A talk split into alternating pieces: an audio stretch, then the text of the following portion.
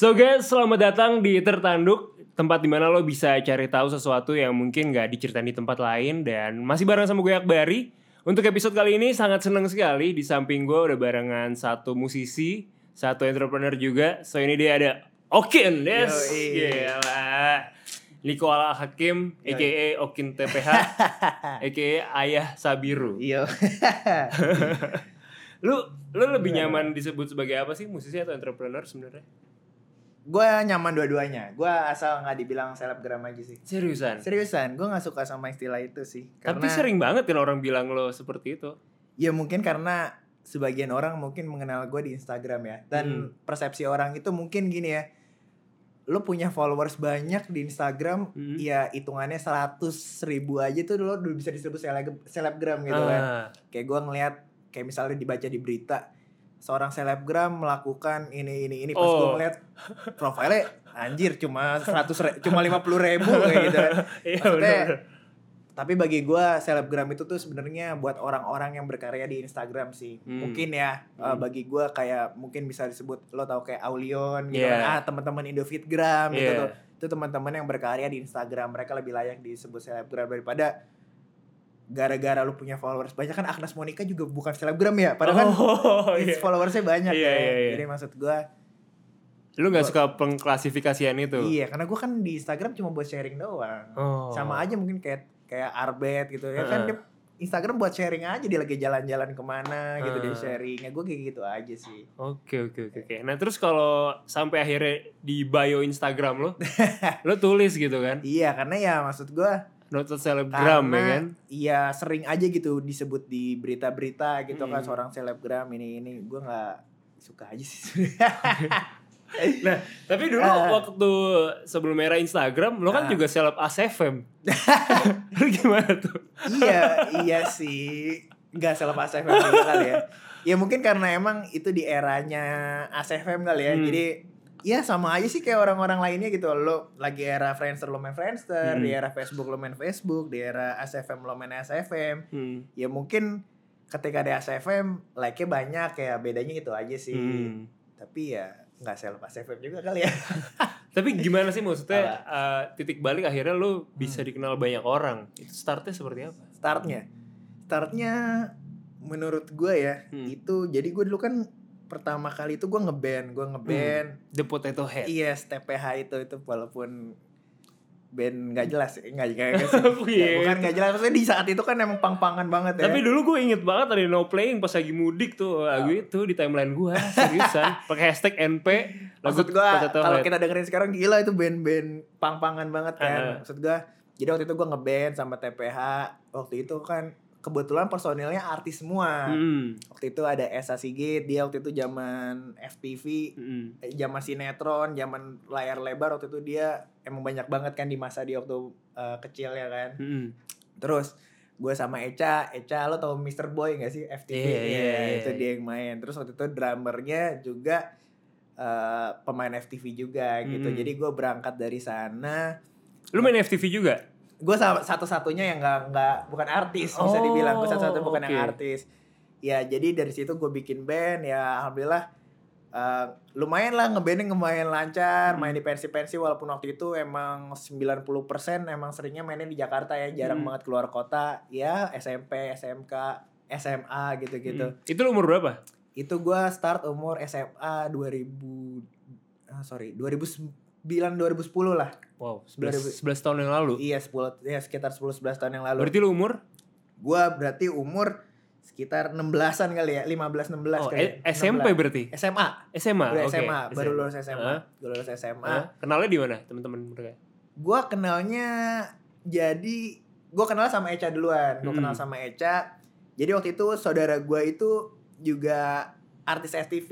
Jadi Hmm. dia tuh Siapa namanya? Aji. Oke. Dia Aji. Dia main eh, di sini ada setan tau Oh iya tahu tahu gue. iya. Yang jadi orang lugunya. Oh iya iya. Nah, gue waktu itu nggak sengaja gue ikut dia syuting kan, gue ikut dia syuting, Heeh. syuting sama si Eca. Hmm. Akhirnya gue kenal sama si Eca, terus tuker-tukeran Facebook segala macam.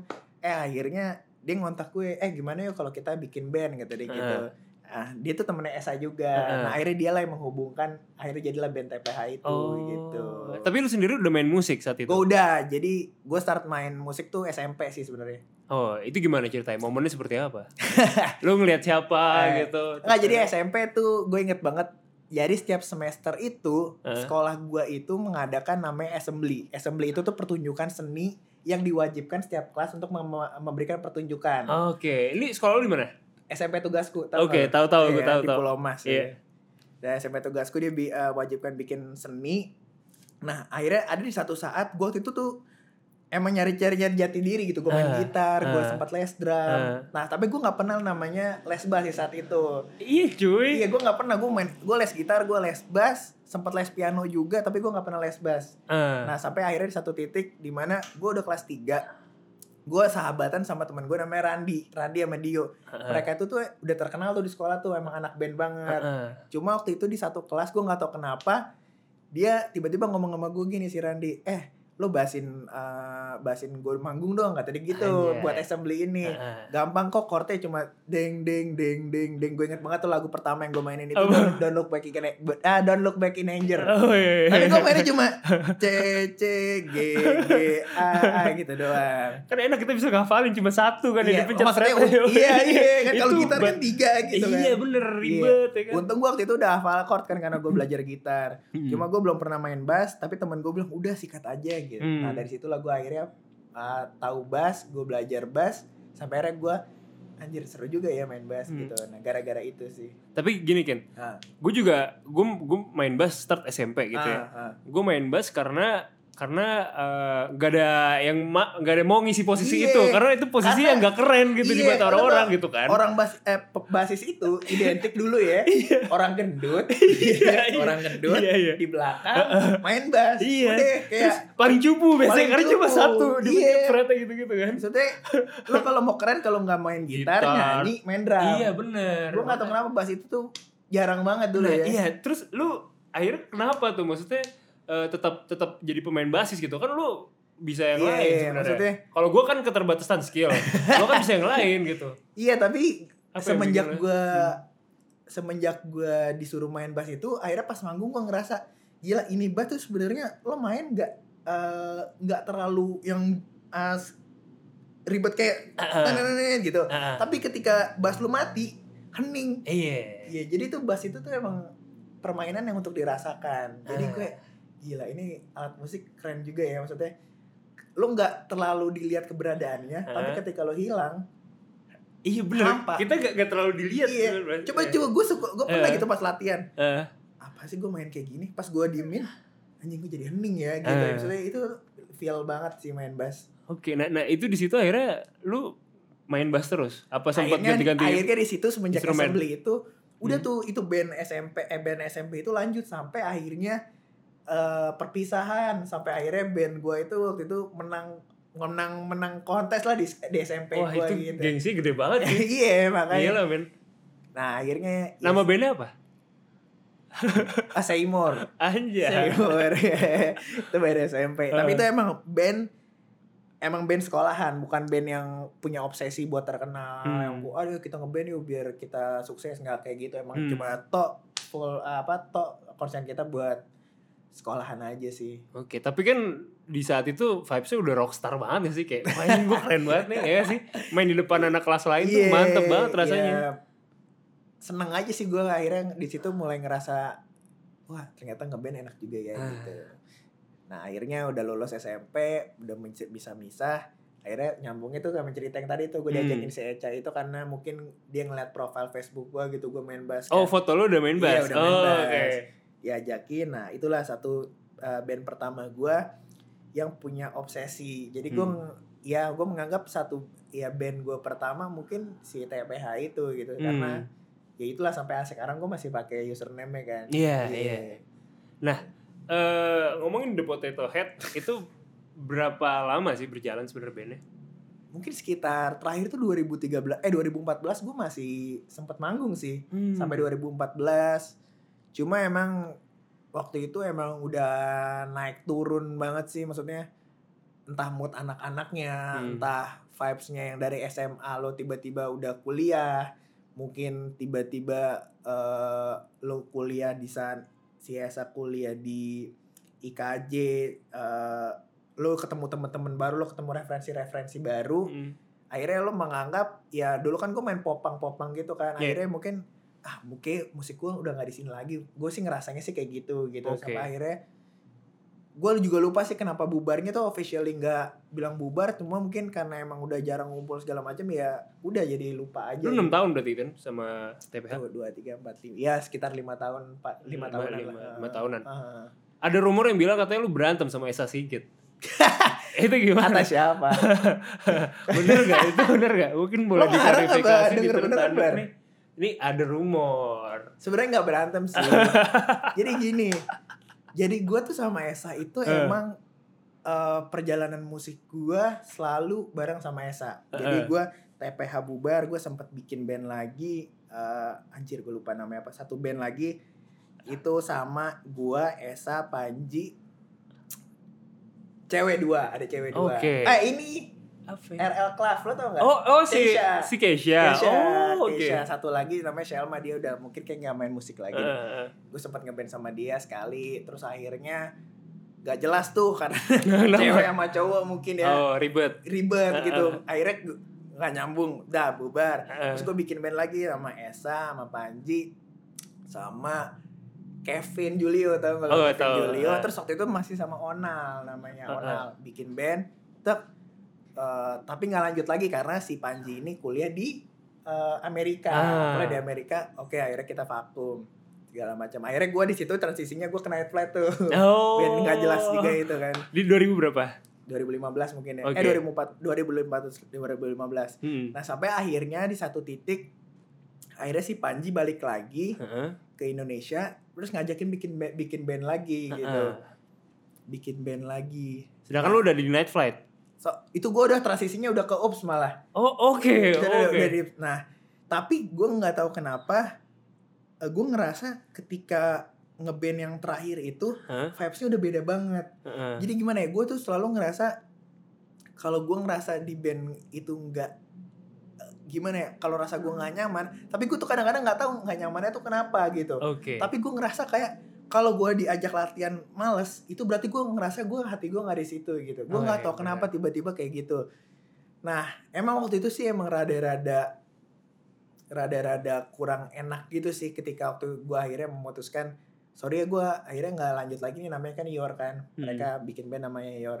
Gue nggak lanjut lagi di situ. Di situ gue sih denger-denger ya maksudnya ada gue ada perasaan bersalah juga kayak Esa tuh ketika dia ngeband dia selalu ngajak gue gitu tapi Hmm. Gue ada di satu titik beberapa kali gue ngeband tapi gue nggak sama dia gitu. Gue tuh Hmm. di situ pas gue nggak denger itu gue ngerasa sedih sih. Cuma eh gue nggak tahu hubungan gue berantem apa gimana. Cuma setelah beberapa bulan kemudian gue sempat ketemu dia di eh, kawinan. Ah, di ketemu di kawinan temen gue tapi ya nyapa nyapa biasa aja. Cuma emang gak terlalu ngobrol banyak. Sampai Hmm. akhirnya ini bener-bener baru minggu ini gue baru-baru minggu ini dia ngepost eh, ngepost ngeband zaman TPH Ah. gua gua komen aja love Ah. love love love dibales cium cium cium cium dan baru malam ini gue Oke. tiba-tiba random gue ngedengerin lagu-lagu lama gue mention dia ya udah biasa aja gitu Oke. jadi gue nggak tahu mungkin dibilang bera, dibilang berantem sih enggak tapi mungkin diem dieman tapi mungkin ya emang karena ada satu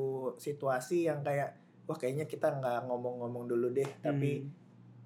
Gue juga mungkin nganggep ini gue berantem apa enggak ya tapi ya ketika ketemu biasa aja ketika mention mentionan juga ya biasa aja mungkin udah kita udah ngelewatin masa-masa itu gitu sih Jadi dingin-dinginan aja berarti dingin sebenarnya. dinginan aja sih Tapi sempat follow-followan masih. masih follow followan Oh. masih follow followan Oke, oke. sih Jadi isu sudah terjawab sudah ya. Seperti itu timelinenya Iya. buat teman-teman yang mungkin penasaran. mungkin gitu. pas ketika emang gua eh, bilang keluar dari band Sior itu Hmm. Mungkin emang rada nggak enak kali ya mungkin rada nggak Hmm. enak yang akhirnya bikin eh, teman-teman di sana juga ah gimana sih lu kayak gitu Hmm. mungkin sih ya itu yang mungkin bikin eh, nggak enaknya gitu. Tapi salut gue lu berani mengaku ini, berani berani ngobrol.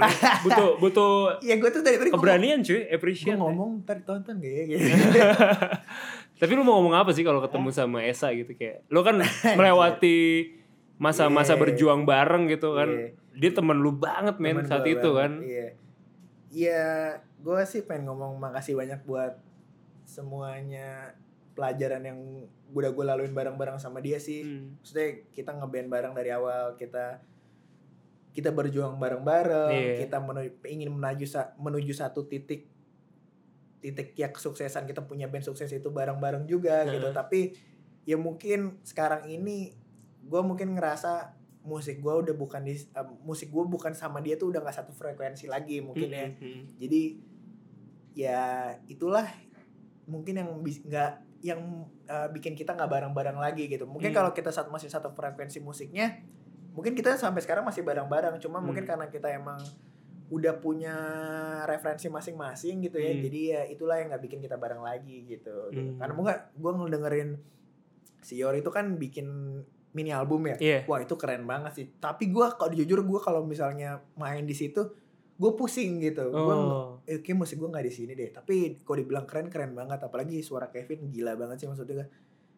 band Indonesia bisa bikin lo teman-teman coba didengerin Y O R E di Spotify atau di YouTube itu Hmm. band keren banget sih. Band eh, musikalitasnya tinggi banget tapi kalau gue di situ gue jujur gue pusing banget itu Hmm. Jadi syarat buat Yor ya. iya salut salut salut keren Jadi tetap respect. Tapi lo masih ingat momen lu eh, mungkin ke distro bareng gitu sama anak TPH? ke distro Iya. kan era-era distro oh kan. iya era-era distro Iya zaman zaman Beli boxer ya nggak sih, Iya, gambar SpongeBob atau apa. dulu sempat di endorse beberapa distro kan Iya. iya kan masuk distro udah ambil aja pakai Itu keren banget ya. men zaman itu. Gila. Celana masih diturun-turunin ya Iya. kan biar biar boxer kelihatan Iya. anjir iya gila parah Iya. men. Tapi lu merasakan itu ya era-era. MySpace segala macam. MySpace ngerasain justru kan lu kan band itu kan berkembang di MySpace kan Hmm. kita dengerin lagu di MySpace kita pokoknya lo kalau punya profile lo band lo di MySpace tuh keren banget sih Terus diliatin viewsnya berapa iya, ya? kan? diliatin viewsnya berapa itu emang zaman zamannya wah ngeband MySpace gila itu Lu masih inget gak sih TF-TFan? Anjir, itu istilah MySpace ya? Iya. Iya, iya, iya. Top friend, Top friend, top biar- friend. biar Oh, muncul jadi dulu. bi- ya, biasanya tuh kalau band tuh band-band lain Iya, siapa iya, ya? iya, lo, iya, lo akrab ya sama band yang ini ya gitu-gitu. Eh, kan. TF-in Iya. gua dong, TF-in. Iya, anjing, MySpace man. Iya. Gila men, era-era itu. Apalagi ini itu zaman-zamannya lu tau inget Javu kan? The Javu, apalagi. Marriott, Ro iya, Rossi. Rossi, eh, Vicky Sianipar. Sianipar. Ah gila, itu zaman-zaman Anjir. ngeband. Gila men. Nge- lu bayangin deh lu ngeband bayar tapi lu seneng gitu. iya, iya, iya. Itu band regis semua ya Iya, band yang regis gila. Lu udah ngeband, disuruh bayar. Bayarnya berapa masih gak lu? Gue inget kalau main malam dua setengah, kalau main mau main sore satu setengah. Udah gitu lu suruh share tiket. Iya, kan? bener, bener, Lu udah ba lu nge lu pengen ngeband, Heeh. lu harus bayar, lu harus share tiket lagi. Anjing gak? Share tiket tuh lu jualan temen-temen gitu Iya. tiket. Jadi dikasih 10 tiket, Heeh. misal satu tiket harga tiga puluh lima ribu, Iya. lu masih nyetor tiga ratus lima puluh ribu. Iya. Berarti total totalnya kalau lu main reguler tiga setengah tambah dua setengah enam ratus ribu. Iya. Anjing gak? Lu pengen ngeband tapi disuruh bayar. Anjing.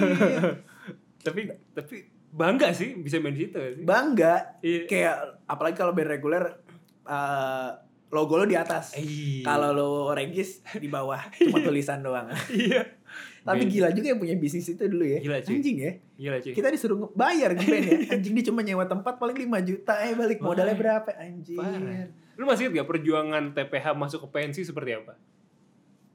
Masih sih maksud gua pertama kali ngeband aja Hmm. ya band itu band-band band bayar. Mm-mm. Ngeband bayar Regis itu kan? banyak banget. Heeh. Anjir ngeband ngeluarin modal ya. Iya. bayar bayar bayar bayar mungkin ya sampai akhirnya eh ya masanya si Esa itu kan emang dia artis kan dia Mm. artis ya artis ya banyak kan cewek-cewek gitu-gitu kan ya sementara lu ketika lo manggung di Javu itu kan auranya kan aura cowok-cowok metal yang segala macam gitu kan yang Bener. ma- makanya mungkin waktu itu ketika gua ngeband situ yang yang datang cewek ya kayaknya banyak kan gua doang gitu ya Ah. karena yang lainnya ya cowok-cowok yang headbang segala macam Eh. kayak gitu-gitu ya sampai akhirnya di satu titik wah ada yang ngundang pensi anjir walaupun bayarannya glu gua Berapa bayaran pertama di pensi? Lima ratus ribu deh Oh iya. band itu ya Lima seband ratus ya. ribu dibagi berapa orang?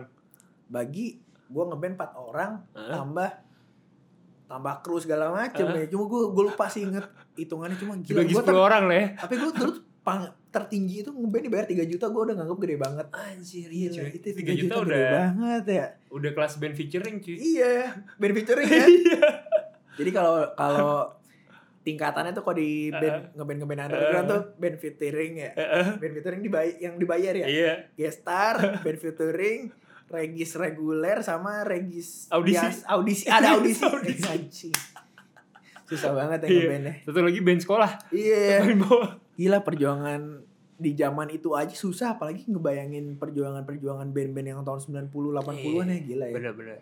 Beda kan sama anak sekarang kayak tinggal masukin Spotify. Iya, apa. tinggal lo lo punya karya, lo ngerekam di YouTube, Mm-mm. wah udah bisa viral gitu Iya. kan. Udah bisa ada yang langsung ngundang segala macam. Wah, beda Dulu banget. Struggle banget lah ya. stra- di zaman gua aja masih struggle banget sih. Apa mimpi terbesar lu waktu di The Potato Head waktu itu? Sama sama mimpi gua sampai sekarang juga ya lo punya band, Hmm. punya band besar, punya karya yang dinikmatin banyak orang, Mm-mm. ya sukses ya gitu aja sih sama sampai sekarang pun gue juga masih bermimpi seperti itu gitu Oh iya. ya iya. Oke, ini ini menarik sih sebenarnya karena eh om gue tuh pernah marah-marahin gue gitu. Karena kan Kenapa? gue dulu gue sekolah bisnis Hmm. di Prasmul, tapi gue tertarik sama dunia seni. Ah, Dulu om gue bilang katanya, udah kamu tuh sukses aja bikin bisnis nanti baru ngurusin seni ke lu gitu. iya Nah, jadi apa yang om gue bilang itu nggak bisa gue lakuin gitu. Hmm. Nah, tapi lu udah ngelakuin itu, Kin. Lu tuh jadi role model gue karena lu di bisnis sudah settle iya dan akhirnya mimpi lo untuk sebagai rockstar lu bangun nih bersama Liong. Itu gimana caranya, men? Iya. Apa rasanya bisa mencapai itu semua? sebenarnya sih ya itu ya walau alam ya maksudnya itu takdir Hmm. dari Allah juga ya gue juga gak merencanakan itu semua Hmm. gitu karena sama gue juga waktu itu lulus SMA gue pengen banget sekolah di IMI Institut Musik Indonesia Hmm. tapi ya biasalah orang tua ngapain sih musik segala macam ya kan ya udah akhirnya gue ngikutin gue uh, ngampus di kampus uh, umum maksud gue Iya. maksudnya uh, fakultas-fakultas umum Yang di Bandung. di Bandung dulu Oke. gue sekolah di Bandung ngopi kali ya Nih boleh ini dong. kopi boleh. apa nih bar Ini People's Coffee ya. Yo, iya, thank you. Iya. Eh, kok gue ngomong thank you? Sponsor nih, Bar. Terima kasih banyak nih. Udah ada sponsor nih ya tertanduk ya. Yo, iya, Terus keren apa? banget lo, Bar. Gila. Yang keren Iya. lu lah, Kin. Stay healthy tulisannya buat kau Kin di belakang nih. ya. Mantep Gila, banget ya. banget.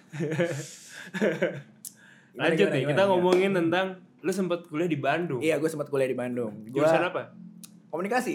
Jadi Oke. gue di Bandung sampai akhirnya gue ke LSPR itu, Hmm. gue transfer jatuhnya, bukan ngulang. Hmm. Jadi sama-sama komunikasi, jadi beberapa mata kuliah yang sama SKS-nya itu bisa ditransfer nilainya. Hmm. Jadi gue nggak bener-bener ngulang sih di LSPR. Hmm.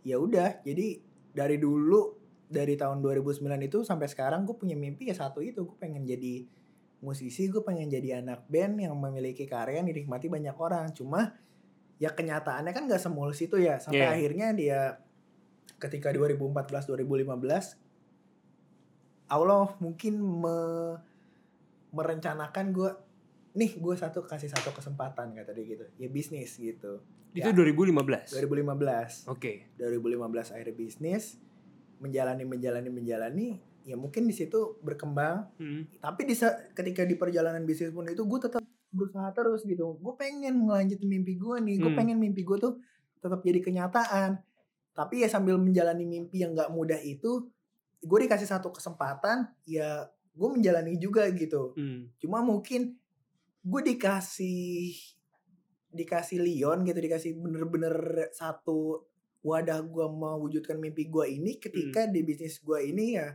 alhamdulillah udah dikatakan settle gitu Iya. jadi ya emang perjalanannya lo bisnis lo alhamdulillah udah settle tiba-tiba lo dikasih Leon mungkin kayak gitu kali ya Gitu mungkin ya. gue disuruh udah lo fokus dulu nih kerja di sini nyari duit Heeh. segala macam lo udah bisa settle di sini nih gue kasih nih mimpi lo mungkin kayak gitu kali Oh, rencana oke. Tuhan kayak Iya, gitu iya. kayak wah gue juga nggak nge-planningin kayak gitu bar cuma Padahal maunya musisi dulu baru yang bisnis. iya mungkin kayak gitu kali ya Oke, gitu oke.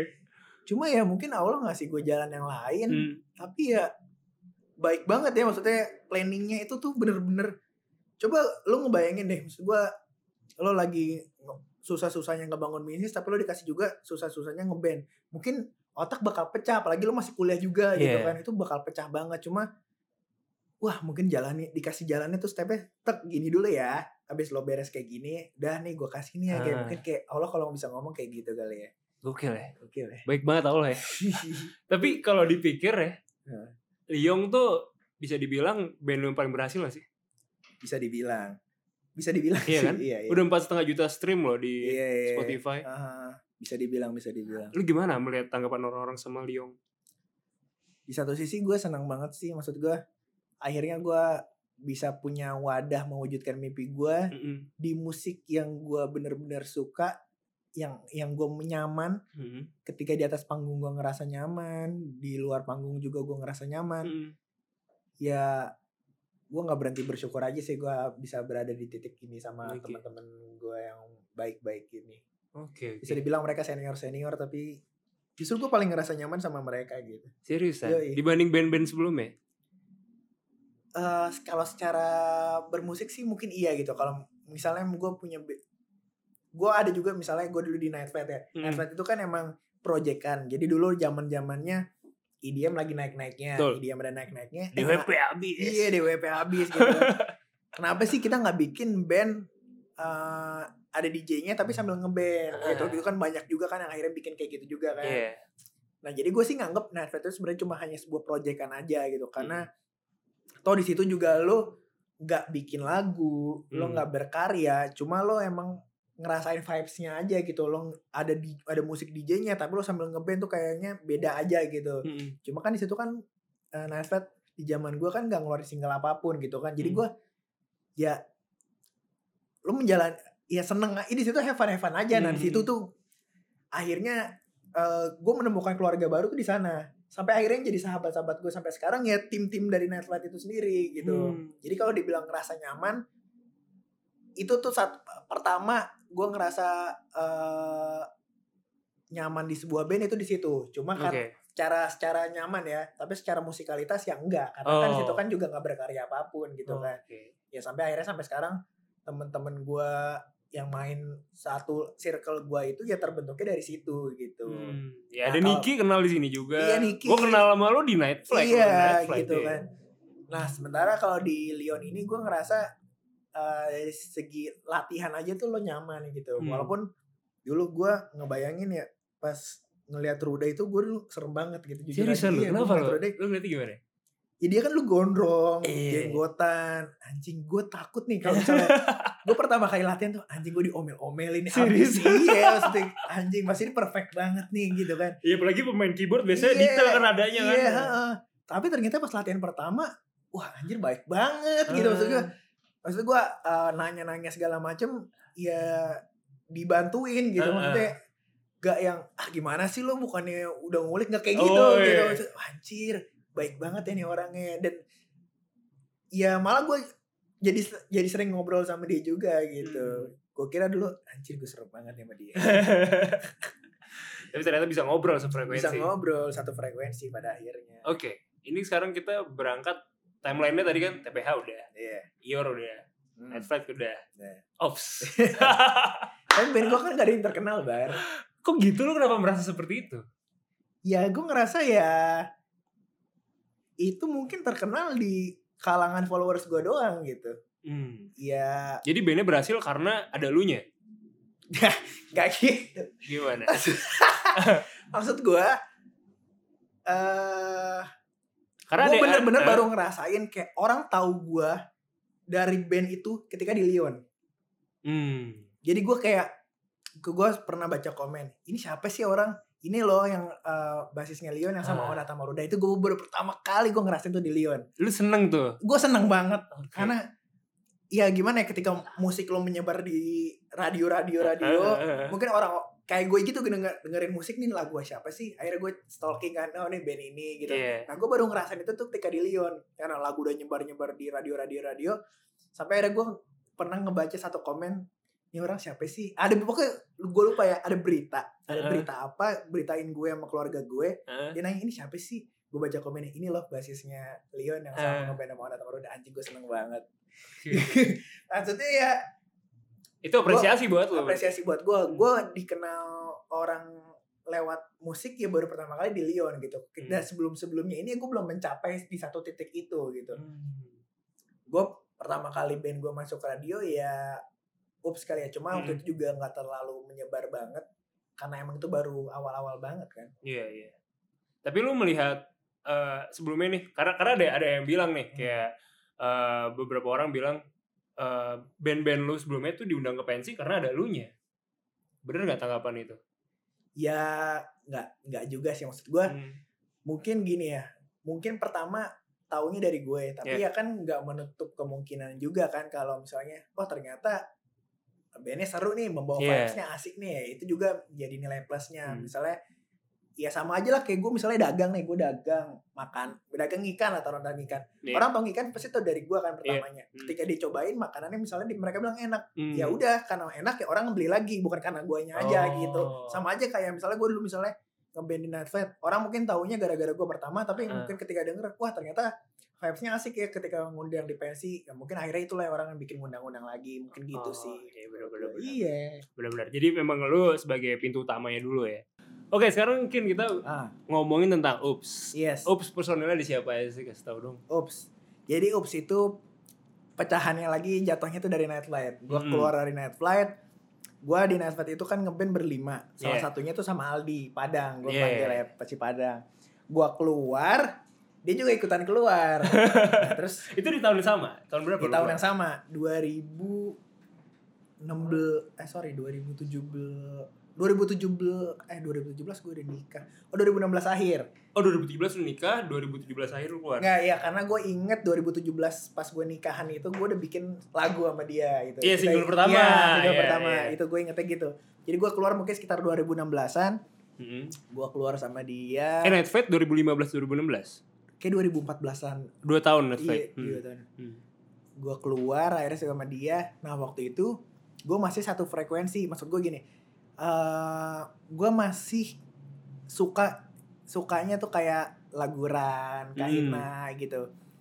Akhirnya gue keluar sama dia, terus gue bilang, Dang, daripada kita nggak ngapa-ngapain, udah kita ngeband bikin lagu aja yuk. Hmm. Nah makanya dulu gue namain tuh Ops Project. Hmm. Ops itu tuh Okin. Padang, S-nya Side, Project. Oh, Jadi cuma side oh project gitu. doang. Nah waktu itu tuh kayak gini, mimpi gue sama dia tuh gini, ayo kita bikin album, udah kita aja berdua nggak usah banyak drama segala macem, udah vokalisnya mau beda-beda, beda-beda deh, Oh. satu-satu album nih gitu. Yang penting kita bikin lagu, kita berkarya. Nah niatnya tuh cuma kayak gitu. Oh. Makanya pas gue bikin lagu pertama itu kan sama Dika. Dikal, benar.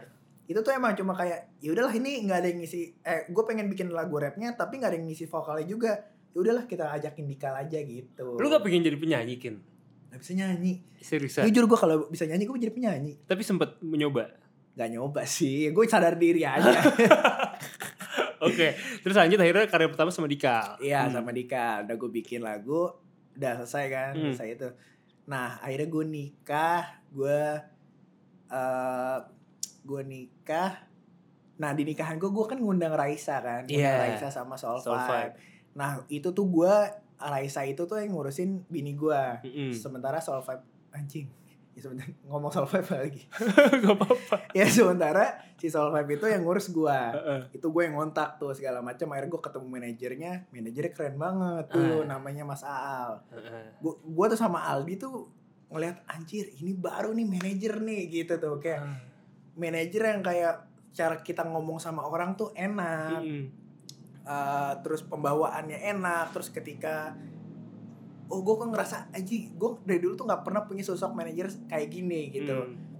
eh ya gimana ya maksudnya gue dari dulu kan punya manajer tuh ya teman-teman satu usia gitu Iya, kan iya. yang maksudnya sama-sama belajar juga Mm-mm. nah gue tuh ngeliat sosok dia tuh wah ini manajer banget nih Udah gitu. expert lah ya. iya expert banget terus tuh si Aldi ngomong gini udah coba tanya dong sama dia cari dong kita manajer nih yang kayak dia kata dia Hmm. gitu kan kata Aldi ya udah akhirnya gue ngomong tuh sama si Al Mas Al Mas eh, ini udah beres nikah ya udah beres nikah udah selesai segala macam gue ceri ngomong Tapi lagu lu udah keluar kan? Udah, Nah. kan kan pengen ngelanjutin kan. Hmm. Tapi gimana ya ke depannya gimana? Udah kayak kita harus punya manajer nih yang kayak gini nih, udah udah pasti keren nih gitu kan. Nah, Akhirnya gue ngomong lah, "Mas, gue mau dong eh, punya manajer kayak lu gitu." Kalau nggak salah sih gue ngomongnya gitu ya. Eh, tolong cariin manajer dong, Mas, kayak gitu. Terus, oh iya iya iya iya iya. Gak lama kemudian akhirnya gue diajak nongkrong Eh. sama teman eh, sama teman-teman dari si band itu SV, teman-teman SV. sama Ya. Handi, sama Bayu. Enggak, gue sama Oh enggak, gue pertama sama Mas Andi doang. Oke. Sama Mas Andi doang ketemu sama Mas Andi. Terus akhirnya eh, nggak tahu kenapa, ya udah dia bilang, eh gue lagi mau ngelanjutin lagi nih bikin manajemen kata dia gitu. Hmm. Wah di situ dek hati gue sama Aldi. Wah ini dia nih yang gue incer nih gitu kan. Maksudnya gimana ya? Maksudnya di saat itu link gue sama Aldi pun nggak ada musisi yang Ya musisi kasarnya beneran. udah jadi lah ya Oh iya. maksudnya ya, ya gue kenal kenalnya yang sama-sama sa- satu satu satu tingkatan lah cuma yang Mm. gue yang bener-bener kayak musisi yang udah senior segala macam tuh belum ada sama Mm. sekali nggak kayak sekarang gitu wah ditawarin kayak gitu gue ngerasa kayak wah udah kayak ditawarin label tuh kayak ditawarin label ya ya udah gue mau gue mau gue mau ya udah gue mau akhirnya masuklah gue ke manajemen mereka Iya. gitu manajemen mereka juga sebenarnya bisa dibilang artisnya cuma gua doang sih kayak di saat itu ya. Hmm. Maksudnya mereka juga baru mulai kata sih melanjutkan kembali itu melanjutkan kembali. Ya udah. Masuk di situ proses-proses proses eh lanjutlah. Oh, ini mau ke depannya mau gimana? Bikin album. Dan Hmm. bikin album.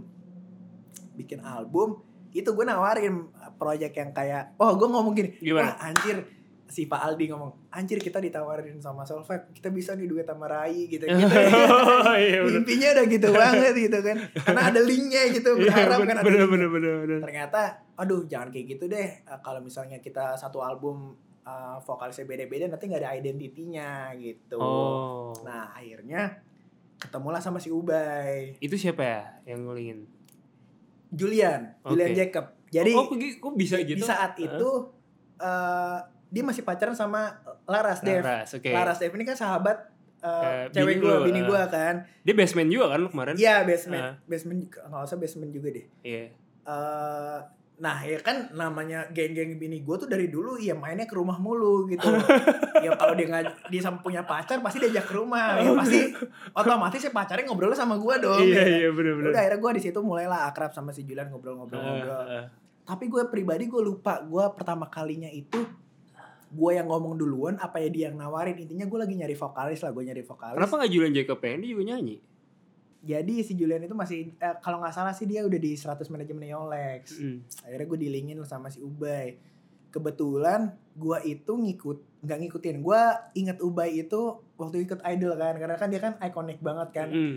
Idol bawa saksofon ya Ubay gitu Hmm. akhirnya gue kenal sama dia ya udah akhirnya eh, tapi sebelum itu gue udah tanda udah tanda tangan duluan tuh sama manajemen udah tanda tangan manajemen tapi berdua doang. Mm. Ubay masuk Ubay masuk itu ya secara legalitas emang nggak ada sih. Secara legalitas nggak ada nggak ada tanda tangan apa apa ya dia masuk langsung bikin album. Mm. bikin album waktu itu tuh kayak sempat mikir gitu kayak wah siapa nih yang mau investorin ya? segala macam segala macam tapi pada akhirnya gue mikir wah gue nggak mau ngeband ini bikin gue punya beban. Maksudnya kalau lo punya investor kan lo punya tanggung jawab buat balikin duit dia gitu kan Mm. nah maksudnya gue nggak pengen tuh ngeband tuh yang lo punya pressure lo harus kayak gini harus gini harus gini harus gini yang pada akhirnya lo membuat itu jadi beban gitu Iya. ya sampai akhirnya gue mikir ya udahlah gue aja yang menginvestasikan duit gue di Hmm. dalam album ini gitu Mm.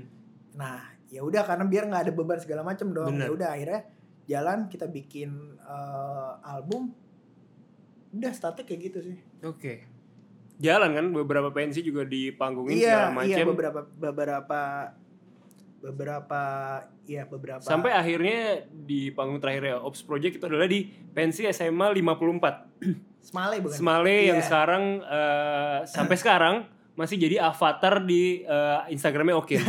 Oh, Foto ini kan? ya? Yo, iya, iya. iya kan Smale Eh, itu. enggak, itu night flight, Oh, Bro. oh, itu night flight. itu night Oh, flight. itu night flight. ya, Jauh, oke. itu jauh banget. Salah gua.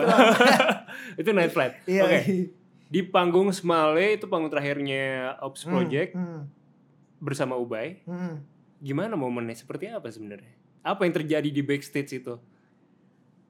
Jadi sebenarnya eh, di saat manggung terakhir itu belum ada omongan sama sekali soal masalah keluar segala macam sih. Hmm. Jadi puncaknya sih sebenarnya gini, waktu itu itu kan bulan Desember ya, bulan Desember Iya, iya.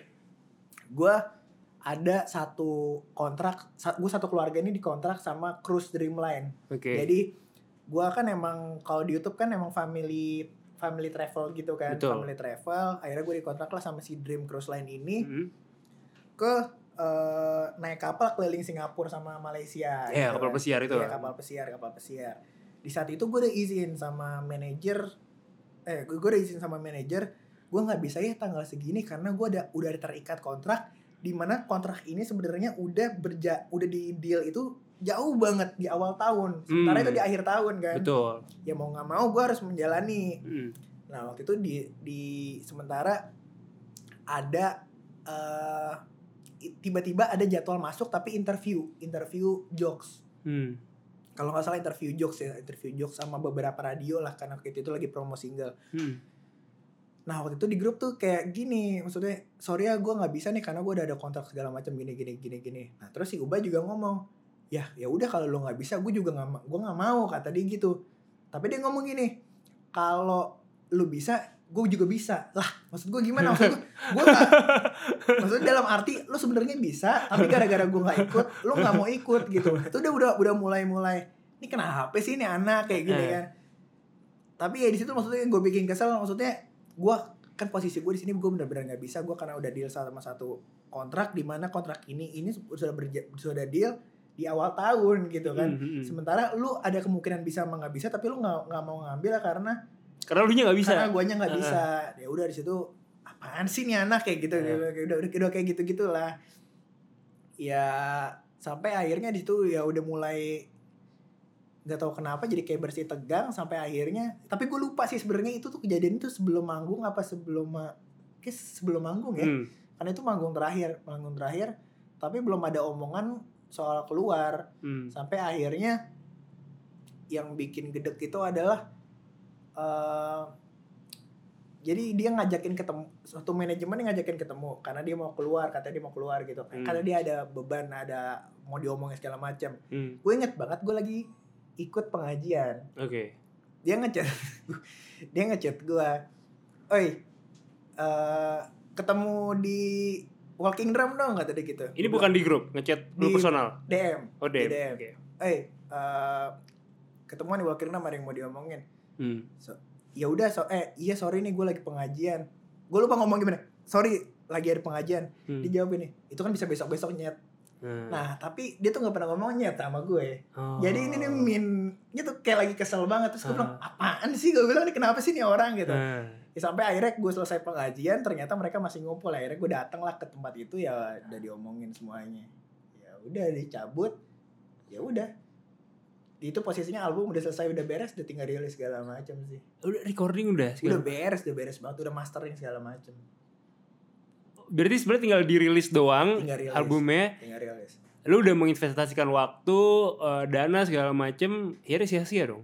sia-sia tapi gini maksud gue gue nggak sebenarnya gue jujur nggak sepenuhnya menyalahkan dia keluar Heeh. karena emang di satu sisi eh apa ya keluhan yang dia omongin itu benar maksud gue di sana emang vibesnya nggak terlalu ngeband gue nggak tahu kenapa nggak terlalu ngeband karena chemistry antara kita bertiga tuh sebenarnya kayaknya nggak dapet gitu Hmm. gue kenapa bisa gue bilang gitu karena ya kalau nggak manggung kita tuh jarang ketemu kita jarang ngobrol segala macam tapi ya mungkin dia ngerasa nggak nyamannya di situ gitu gue Hmm. satu sisi gue ngerti maksudnya kurang lebih tuh satu tahun lebih dia ada berada di situ Hmm. tapi dia nggak merasakan ada perkembangan di eh, Musikalitas. di musikalitasnya itu situ gue ngerasa ngerti gitu tapi di satu sisi yang gue sedihnya itu adalah dia di situ bener kayak satu sisi menyalahkan gue ya menyalahkan gue sama Aldi sih menyalahkan gue sama Aldi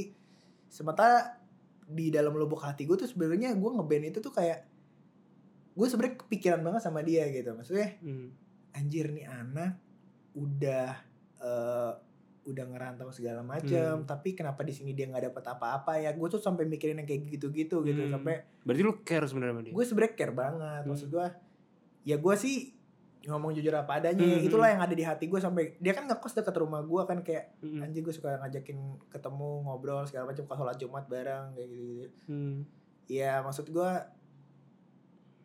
ya sebenarnya sih gue care sama lo cuma mungkin ya mungkin gue nggak menyalahkan lo seutuhnya karena emang mungkin di saat itu emang perjalanan bandnya nggak mulus gitu maksudnya Hmm. emang chemistry ya di antara kita bertiga itu nggak bener-bener dapet gitu sih Hmm. Alasan dia mundur tuh apa sih? mau masuk Niji? Enggak. Di saat itu emang udah omongan-omongan belakang sih kayak dia ikut audisi segala macam. Cuma Hmm. di saat dia mundur itu Oh, lu udah tahu dia ikut audisi? udah jadi itu Gim- omongan omongan gue Aldi sama orang manajemen lah kayak kalau nggak salah yang tahu duluan Aldi deh Aldi Aldi Eh. ngomong Itu gimana? iya Ubay ikut audisi Niji segala macam tahu nggak sih dia yang eh, nggak ikut nggak mau ikutan promo segala macam tuh Ah. karena lagi mau audisi segala macam kayak gitu gitu Oh. oke. cuma di satu sisi eh ya gue pun kalau menjadi dia gue akan melakukan hal itu gitu Hmm. gue ya gimana ya sama aja ketika gue tiba-tiba ditawarin onat ngeband gitu ditawarin Hmm. onat ngeband anjir gue ditawarin onat ngeband sama mungkin gue ditawarin niji ngeband wah gila gue mendingan ngambil niji lah mungkin saat itu kayak gitu ya Hmm. cuma yang satu sedihnya aja kenapa di saat itu lu nggak ngomong belak belakan aja nih gue dapet tawaran yang lebih baik kayak kayak gini gini tapi lebih menyalahkan kayak Aldi main gitarnya nggak bener lah kayak gitu gitu Hmm. lu main gitarnya nggak bener nggak ada perkembangan nah, kayak gitu gitu maksudnya udah sih ngomong aja kalau lu emang lo dapet tawaran lebih baik lo pengen uh, ke step yang lebih baik ya gue juga ngerti karena gue juga gue kalau jadi lo juga gue gak akan menyanyiakan kesempatan itu Hmm. gitu kan gitu aja sih Tapi kan kalau audisi belum pasti bakal jadi personel tetap. Iya ya gue nggak tahu sih apa yang ada di pikiran dia saat itu gitu Dia ya. berarti audisi bukan bukan memang sudah dijamin bakal jadi ah personel. itu gue nggak tahu sih cuma kan Oke. gue kemarin kan nonton tertanduk lo kan katanya sih gitu kan emang nggak nggak nggak settingan Iya. cuma maksud gue gue nggak menyalahkan dia sih cuma ya kenapa lu nggak ngomong terus terang aja sih gitu Hmm. gitu kan kenapa sih lo nggak ngomong terus terang tapi lebih nyalahin gue sama Aldi ya Aldi mainnya nggak bener lah terus gue Ke Singapura. iya maksudnya kayak gitu gitu ya udah sih lu terus terang aja kayak gitu Hmm, Jadi sebenarnya lu paham lah alasannya dan memang di jalannya aja gitu. iya emang udah sebenarnya. jalannya aja ya. Tapi sekarang gimana hubungan lo sama dia? Masih follow-followan? Enggak sih. Gua ya terakhir kali gue komunikasi ya itu di situ akhir 2018.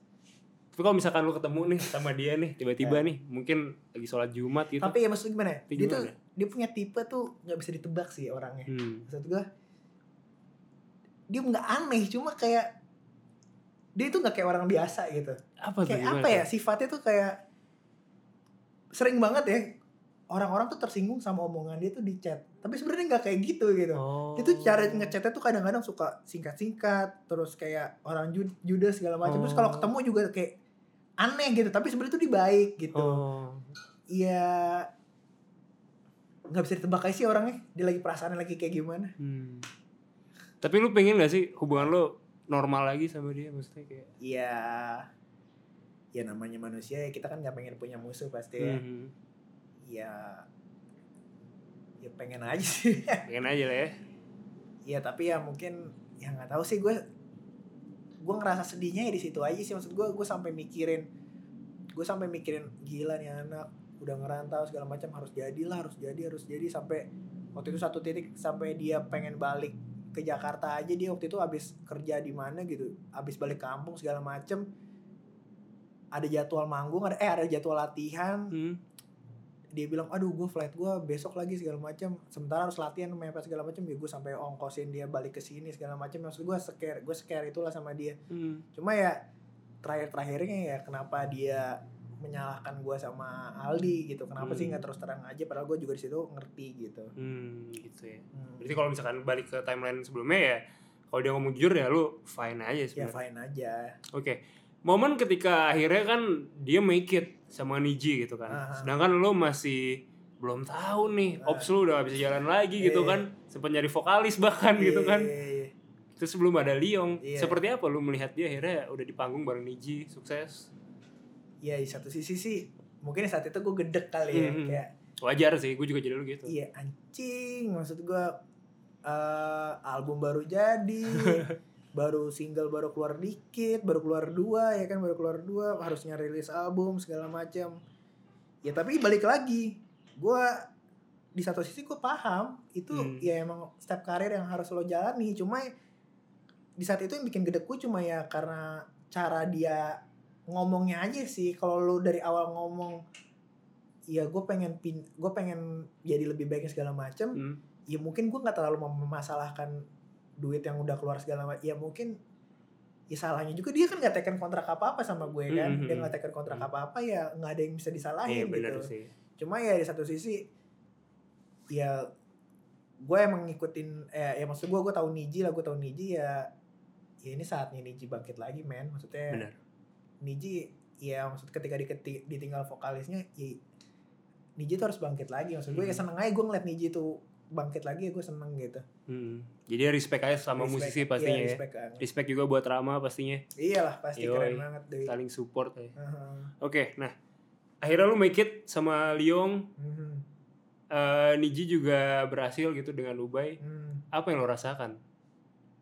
yang gue rasain ya ya berjuang itu nggak nggak akan ya nggak nggak akan mengkhianati hasil tuh bener gitu Maksud Seriusan?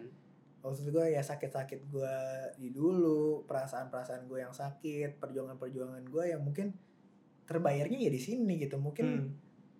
duit gue bikin album gak balik modal nah mungkin balik modalnya di sini kalau dalam arti kasarnya Hmm. gitu ya mungkin ya ya balik lagi rencana Tuhan tuh luar biasa gitu Hmm. ya apa yang lo perjuangin nggak akan gagal ya mungkin di sini gitu rezeki gue gitu Hmm. ya mungkin emang step jalannya kayak gitu Jadi buat mereka-mereka yang lagi berjuang nih mungkin ya ditunggu aja gitu terus konsisten iya dan berjuang. gue yang penting lo konsisten di satu bidang yang lo sukain kayaknya mustahil deh kalau Iya. lo gagal gitu mustahil banget deh kalau lo gagal cuma ya lo mesti sabar aja ya kan kadang-kadang orang lo sering kan kayak ngeliat meme-meme gitu yang kayak udah ngegali ngegali Eh, ngegali eh, eh. di sini berlian akhirnya dibalik Oh, Iya kan, tahu iya, kan lo itu iya, kan? iya. ya padahal itulah yang lo harus gali terus gali terus gali terus lo pasti nemu lo pasti nyampe ke satu titik itu gitu Iya, jadi ya intinya lo konsisten aja gitu bener sih. Hmm.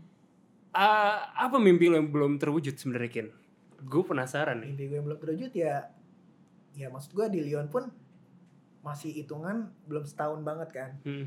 ya masih banyak lah hal-hal yang pengen gue rasain jadi anak band jadi orang yang memiliki karya yang dinikmati banyak orang itu tuh menurut gue ya belum sepenuhnya tercapai gitu gue ya pengen lah maksudnya ya mungkin dapat AMI Awards mungkin kayak Ah, gitu gitu itu kan mungkin kan mimpi-mimpi yang belum tercapai lah gitu Hmm. Tapi lu juga pernah bermimpi sebenarnya menjadi penyiar radio. iya Itu gimana sih? Boleh diceritain nggak? gue tau dari mana gue emang dari dulu gue suka sama radio gitu kan gue suka ya? sama radio gue suka sama Dengerin apa sih lu dulu? gue dulu itu dengerin Jack FM Hmm. sampai sekarang sih gue suka pembawaannya Ronaldinho sama Hmm. Jody Feki tapi Eh. Jody Feki udah nggak lagi kan Nah. udah ganti jadi Jody siapa gitu nah gue tuh emang ngerasa seru banget sih maksud gue lo bisa ngobrol lo bisa ngomong didengerin orang lo bisa wawasan lo tuh ya bertambah aja gitu ya kan Mhm. lo kan ketika lo radio lo harus ngebaca kan skripnya apa misalnya Bener. info apa hari ini gitu kan jadi Bener. Wawasan lo kayak luas banget gitu loh Mm-mm. dan gue kayak berkali-kali kayak ih gue pengen ikut kelas radio deh terus gue tapi ngeliat anjir orangnya rame banget lo tau gak sih yang yang radio itu Kelas penyiar ID ya? Bukan? iya yang yang orangnya rame banget Oh, itu iya, iya, yang apa sih yang yang gebiar banget tuh Oh, oh anak iya anak yang radio nanti ya anak radio iya iya. gila iya. rame banget gue tuh sebenarnya pengen maksudnya Sebenarnya Ada lu nggak sih? Pingin lu ya? iya kalau di Bandung tuh dulu ada anjing DJ Ari kalau DJ. Ari, nggak DJ Iya, Ari iya. sekolah DJ Ari School, Iya, bener-bener. DJ Ari gue tuh dulu pengen masuk situ Heeh. gue sampai sekarang sih sebenarnya pengen gitu kalau misalnya ada satu wadah yang bener-bener lo bener gue bisa belajar tapi belajarnya tuh emang kayak private misalnya gitu ya gue pengen sih belajar gue belajar sama lo kali Eh boleh lah. Seriusan. pengen banget gue iya karena seru aja gitu menurut gue lo bisa ngobrol lo bisa cari wawasan baru lo bisa ketemu teman-teman baru mungkin ilmu-ilmu baru seneng aja Tapi sih. ini menarik sih karena Nah. lu sudah mencapai titik yang jauh sebenarnya dari sekedar hanya punya radio gitu. Iya, Tapi lu tertarik sama hal ini gitu. maksudnya gimana ya maksud gue ya ketika gue udah bisnis gue ngerasa sih gue pun di musik itu jujur gue nggak nyari duit ibarat maksud Hmm. gue gue musik itu untuk eh, untuk hati aja sih untuk hati untuk menyalurkan kesenangan gue untuk menyalurkan kepuasan bermain musik gue Hmm. gue nggak terlalu mikirin eh gak terlalu mikirin gue dapat duit berapa gitu maksud gue pernah ada titik di satu titik eh, Leon jadi Leon itu kan sebenarnya kan yang meg- yang megang bisnisnya itu kan gue gue Oh. gue pribadi gitu tapi ya mungkin dibantu lah kadang-kadang sama Tony kadang-kadang eh sama Subur. Iya nggak sama Ah, subur sama Tony sih sama di- Tony. di, ibarat Tony gitu misalnya gini misalnya ada yang kontak ada yang kontak itu yang balas Tony cuma Mhm. entah arah-arahannya uh, dealingnya dealingnya segala Iya. macam tuh sebenarnya dari dari gue gitu Hmm, lu masih in charge langsung ya? iya gue yang charge sama karena yang, yang manage gue sempat ada detik di mana waktu itu ada satu titik eh satu tanggal kosong udah mepet nih udah dua udah dua minggu lagi nah gue pikir ini nggak ini nggak mungkin dapat job nih di tanggal segini cuma ada ini doang Heeh. tapi di sana duitnya emang nggak standar fee kita gitu Heeh. ya udah gue bilang udah ambil aja fee gue potong udah sisanya buat anak-anak aja Hmm. so gue sampai yang penting tuh anak produksi makan temen eh, teman-teman kerja gue menyalurkan eh, kesenangan gue ya ya gue mencari duit ya bukan di sana gitu karena emang gue bener-bener suka sama sama pekerjaan ini gitu Hmm. Oke oke. Berarti mimpi lo yang belum tercapai menjadi penyiar radio? iya kali ya Iya itu ya. mungkin kali ya gue tuh sebenarnya pengen siaran di di mana tau gak Di mana? di os Seriusan? ya. Di OS Karena dekat Jakarta. rumah gue Oh iya benar benar benar di Kemang di Kemang ya. iya nggak jauh Bisa lah kita Eh, tunggu iya kan, lah ya. os radio Sekarang gue mau nanya lagi nih Ken. Em, lu lu punya cabang berapa sih Sate Taichan? kalau Taichan gue punya tujuh Kalau ngikan kan udah 125 banyak banget kan. iya iya iya Lu ngejalanin itu semua gimana caranya? Gue gue gak kebayang gitu. Lu Iya. ngabisin waktu untuk segala macam segala macam ya. Sambil kuliah juga gitu. Hmm, ya maksud gue eh Seperti apa gitu? Karena semuanya lu jalanin Hmm. barengan. gue tapi kan gue menjalaninya itu kan eh emang jadi gue tuh dulu pas gue nge-build Taichan pertama kali Hmm. itu gue punya kantor di rumah gue bar Oke. jadi gue dari, dari dulu itu sebenarnya gak bisa punya kantor yang jauh-jauh dari rumah Kenapa?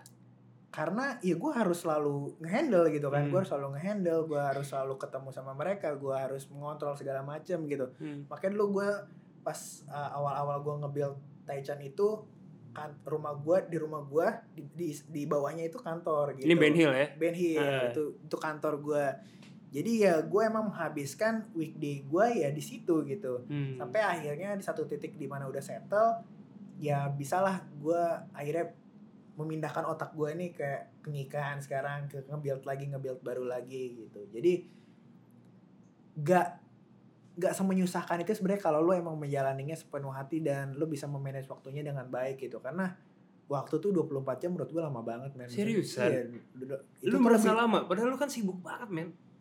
tapi lo bisa memanfaatkan itu dengan baik banget bar Lu termasuk orang yang bangun pagi gak? gue semenjak punya punya anak Ah, itu nggak bisa lebih dari jam 9 jadi lu udah bangun jam 9 pagi.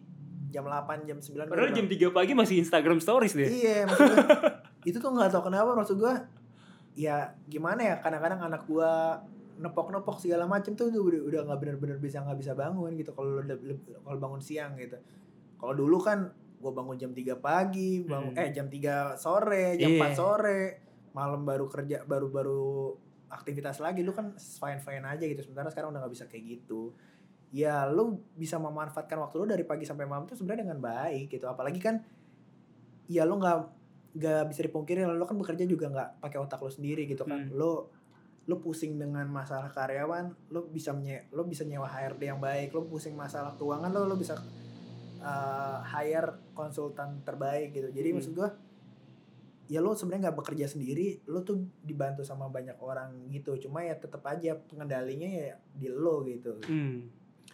Kin, hmm. daily activities lu seperti apa sih? Lu bangun tadi kan jam 9 paling telat. haha. Terus lu ngapain tuh jam segini jam segini mungkin ngurusin ikan, jam Iya. segini ngurusin taichan. Gimana seperti apa? Ya gue malah biasanya tuh gue bangun, gue tuh biasanya main dulu sama anak, main Hmm. dulu sama anak, anak gue tidur siang, itu gue baru buka-buka kerjaan. Hmm. Kadang-kadang tuh gue kadang-kadang juga suka nyari-nyari ide sih, misalnya gue browsing-browsing, gue buka-buka Instagram, eh kayaknya bikin kayak gini keren ya, eh enak kali ya. Misalnya Hmm. kita kadang-kadang tuh gue dapet ide-ide makanan, karena kan menu-menu kayak gitu kan sebenarnya gue tuh mikir, gue yang mikirin bar. Oh, iya. Walaupun gue nggak bisa masak sebenarnya. Nah kerennya lo tuh jadi punya punya usaha makan tuh lo nggak, lo sebenarnya nggak nggak usah pintar masak, cuma lo punya ide gitu Hmm. nah kadang-kadang sih gitu nah tapi kadang-kadang pun juga gue kerja kan eh, nggak bener-bener dijamin sih misalnya lu jam segini ngurusin Taichan lu jam segini ngurusin kan nggak kayak gitu juga Hmm. itu tuh se- semutnya gue dapet bukan semut ya maksudnya sebisanya gue dapat Iya. soalnya gue mesti ngimbangin juga nih antara keluarga sama eh, sama gue kerja jadi pun gue kadang-kadang malam gue ngerjain malam pun it's fine menurut gue ketika anak gue lagi tidur segala macam Hmm. gitu jadi apalagi kan gue kan ya mungkin bisa dibilang sekitar setahun kebelakangan ini kan weekend kan jarang banget di rumah kan sementara gue tuh sebenarnya janji sama bini gue Apa? Apa janji lo apa sama bini lo? gue janji sama bini gue minggu itu adalah hari keluarga Oh gitu itu Nah, janji itu lo. itu janji gue sama bini gue Pernah berantem gara-gara lu hari Minggu malah manggung? sering tapi ya gue ya kalau gue sih gue maksimalkan diri gue ketika gue lagi weekday lagi di rumah anak gue lagi pada bangun ya gue main sama mereka gitu ketika mereka lagi tidur itu kesempatan gue buat melakukan hal yang lain Hmm. Makanya it's fine menurut gue gue mengerjakan malam gue gue nge-report lagi uh, ke anak-anak paginya ya itu nggak kenapa-napa karena gue udah mengerjakan di malamnya gitu Hmm. Seperti apa sih menjadi seorang Okin TPH? Apa Maksudnya lu Biasa. punya punya istri salah satu apa ya orang paling berpengaruh gitu di Ah. Indonesia saat ini gitu. Kemarin eh, pas COVID-19 Ah. galang dana pertama kali Hmm, sampai di atas 6 m hmm, diinisiasiin sama bini Iya, lo iya, gitu. iya. Seperti apa? seperti apa apanya Maksudnya perasaannya gimana? Maksudnya kayak ya bangga lah maksud gue uh, banyak hal yang banyak hal-hal positif ya gimana ya gue paling suka sama orang yang berguna gitu bareng Mm-mm. maksud gue lo punya usaha lo bisa menghidupkan beberapa kepala eh, beberapa keluarga gitu berapa berapa pul berapa ratus keluarga yang bisa hidupin gitu. Bener. itu prinsip gue sih maksud gue ketika lo bisa berguna buat banyak orang ya itulah lo udah jadi orang berarti. Jadi maksud gue ketika bini gue melakukan hal itu dengan inisiasinya sendiri sampai akhirnya wah itu gua, malah gue maksud gue dia berbuat baik tapi akhirnya yang pusing dia dia juga gitu. Iya, maksudnya itu kan iya. lo pusing banget ya maksudnya Nah, jangankan dia gue aja tuh sampai diteror orang-orang maksud gue di sini butuhin ini di sini butuhin ini ya udah sih ya udah gue sabar maksud gue gak semua orang tuh emang lagi kemarin lagi hektik banget kan ah, ah, ah. tolong dong di sini lagi butuh APD tolong dong di sini kita lagi butuh bantuan sampai yang kenal-kenal gue aja sampai nanya-nanyain ke gue gitu Capek lo dong lu. iya maksudnya maksudnya apalagi bini gue bini gue lebih stres lagi gitu Ah. ngurusnya gitu Nah itu, itu manage Iya. manage anxious lu gimana iya tuh? maksud gue Mental kan juga harus juga kan karena kalau nggak kuat mental kalau jujur gue chaos cuy. gue psikiater bar Seriusan lo? psikiater gue gue gue psikiater gue gue punya satu penyakit mental Bu- ya tapi nggak nggak parah sih maksud gue jadi gini gue bisa merasakan sakit Hmm. padahal gue nggak sakit itu Oke. yang udah gue hadapin sekitar 2 tahun kemarin dua tahun Gara-gara sosial media. nggak tahu eh semuanya aja gitu jadi gue nggak tahu kenapa misal gini gue sering ngerasa gue sesak napas Heeh. tapi pas ya nggak nggak sesak napas tuh kayak gitu kayak Oke. gitu nah akhirnya gue konsul ke dokter itu namanya psikosomatis Apa Jadi itu? psikosomatis itu adalah otak lu mengatakan lu sakit sementara lu nggak sakit. Akhirnya gue dikasih obat yang memutus Hmm. otak sama badan. Wow. Jadi jadi gini, gue gue ke dok, gue gue konsul ke dokter, dokter Hah? biasa, check up segala macem. Udah dua kali dalam dua tahun, gue nggak ada apa-apa. Hmm. Jantung bagus, paru-paru bagus, segala macam bagus. Sampai akhirnya gue ke psikiater. Eh, akhirnya katanya psikiaternya, ya ini namanya psikosomatis. Gue tahu pertama kali tahu psikosomatis itu dari Abraham Kevin Idol tuh. Oh, Oke. Hmm. dia yang pertama kali nge-speak up itu di eh, TV di Hmm. dan sosial media akhirnya lah kok ini kok sama kayak gue ya makanya gue pernah gue lagi talk show gue ngerasa mau pingsan padahal pas gue turun gue nggak kenapa-napa gue itu terparah tuh gue kayak udah tunggu dulu ya gue mau turun dulu mau pipis gue gue gue sampai ngomong kayak gitu tuh di atas panggung bar gue malu banget waktu itu gue turun wah gue di belakang tuh gue sampai ngebalsemin gini-gini. Wah anjing gue kenapa sih? Gitu gitu gitu. Anjir. sama gue sampai kayak gitu. Padahal ketika gue cek psikiater itu otak lu aja yang bermain. Anjir. lu sakit lu ngerasa sakit di sini lu nggak ada jantung lu nggak ada sakit paru-paru. Ya, akhirnya gue dikasih satu obat yang buat memutus ot- penyakit di otak lu sama badan. Jadi dokter nggak bingung. Hmm. lu sakit beneran apa sakit? Karena pikiran gitu. Ini ini maksudnya di level gua aja gue Ah. juga merasakan gitu kadang kayak kayak kayak gue gue pusing aja gitu sama Iya. sosial media sama orang kayaknya consuming kita banget energi kita Sebenarnya banget sama gitu. kayak gini. Apalagi di level lu gue sama, nggak sama kebayang kayak men. sekarang lu lagi zaman corona Heeh. lagi zaman corona lu sering baca-baca berita Iya. itu ma- orang normal aja Heeh. bakal bisa ngerasain kayak gitu Hmm. kayak eh, bersin-bersin sesak napas batuk lu kebanyakan baca kebanyakan baca kebanyakan browsing tiba-tiba lu ngerasa sendiri Hmm. Anjing gue sakit ya gue sakit corona ya kayak gitu Hmm. itu tuh gue ngebaca tuh banyak orang yang ngerasain kayak gitu gitu itu sampai orang normal aja bisa ngerasain seperti itu gitu Hmm. apalagi gue makanya Makanya. makanya gue kan nggak gue nggak pernah gue selalu bawa obat segala macam sih Bini lu juga eh, psikiater. bini gue juga bini gue juga cuma Hmm. eh, nggak nggak separah gue sih Maksud Oke. gua, eh, beda lah beda gue tuh yang sampai ngerasain sakit Hmm. Kayak ngerasain sesak napas kayak gitu gitu Di level titik seperti bini lu gitu ya. Hmm. Itu kan kadang lu berbuat bener atau berbuat salah atau Iya, apa kadang ada aja yang nganggap itu yang mungkin haters atau apa Iya. negatif. Lu lu sempet capek gak sih? Maksudnya kayak ini kenapa sih? Padahal bini gua kan nggak salah gitu tapi kok masih dipermasalahin aja gitu. Sebenarnya Sempet satu ini yang gue pelajarin akhirnya sama Onat. Oke. Onat itu gue semenjak kenal dia Hmm. gue ngerasa dia dia kan itu di dia kan pernikahannya kan Iya, itu MBA. kan, MBA kan Iya. dia, dia udah mengakui itu kan Benar. maksudnya bukan aib lagi gitu Iya. dia melakukan itu dia ngomong di depan orang dia pede dia segala macem tapi gue ngeliat dia kenapa dia nggak ada hatersnya ya Hmm. karena menurut gue dia di sosial media Hmm. dia nggak menunjukkan dia kesel Jadi- Hmm. beda gue dulu tuh sempat ada di masa-masa di mana ketika ada netizen ngogoblok itu gue goblokin balik. Jadi misalnya netizen komen gue capture gue masukin Instagram gue terus tiba-tiba diserang lah dia kan wah goblok lo makanya nggak usah komen yang aneh-aneh kayak gitu. Eh. udah gue sempat ada di masa itu tapi gue merasa nggak nggak nyaman.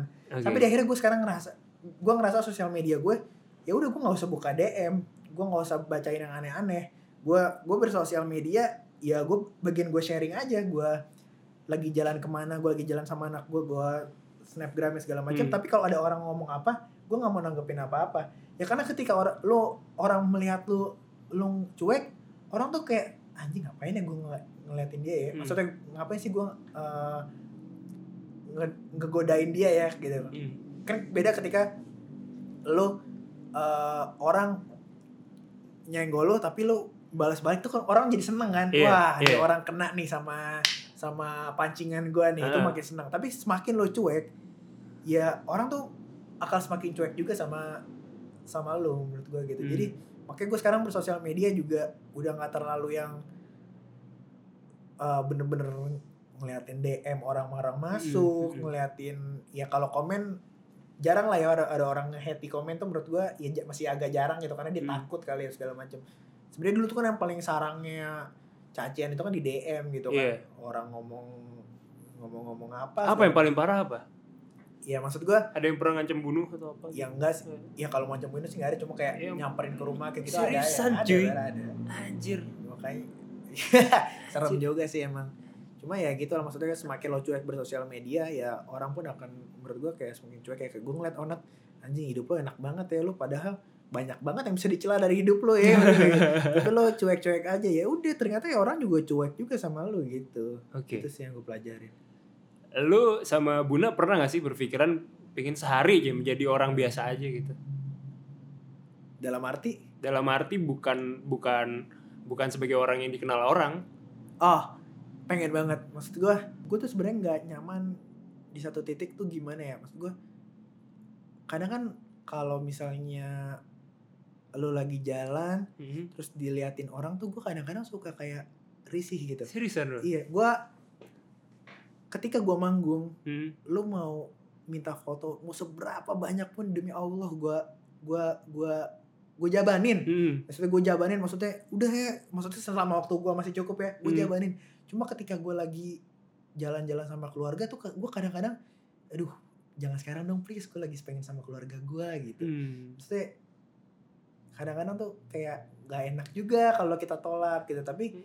kadang-kadang tuh gue pengen tuh jalan-jalan ke ITS kayak nyari-nyari nyari-nyari apa zaman dulu zaman CD gitu kan Hmm. nyari-nyari CD nyari-nyari yang harus ke ITS segala macam tapi kenapa nyari handphone gitu misalnya nyari Hmm. handphone ke ITS tapi kok kalau makin ke sini kok kayak diliatin gitu gue tuh kadang-kadang kayak ngerasa malu gitu sendiri Oh, iya. gitu. iya kayak aduh jangan sekarang dong gitu Hmm.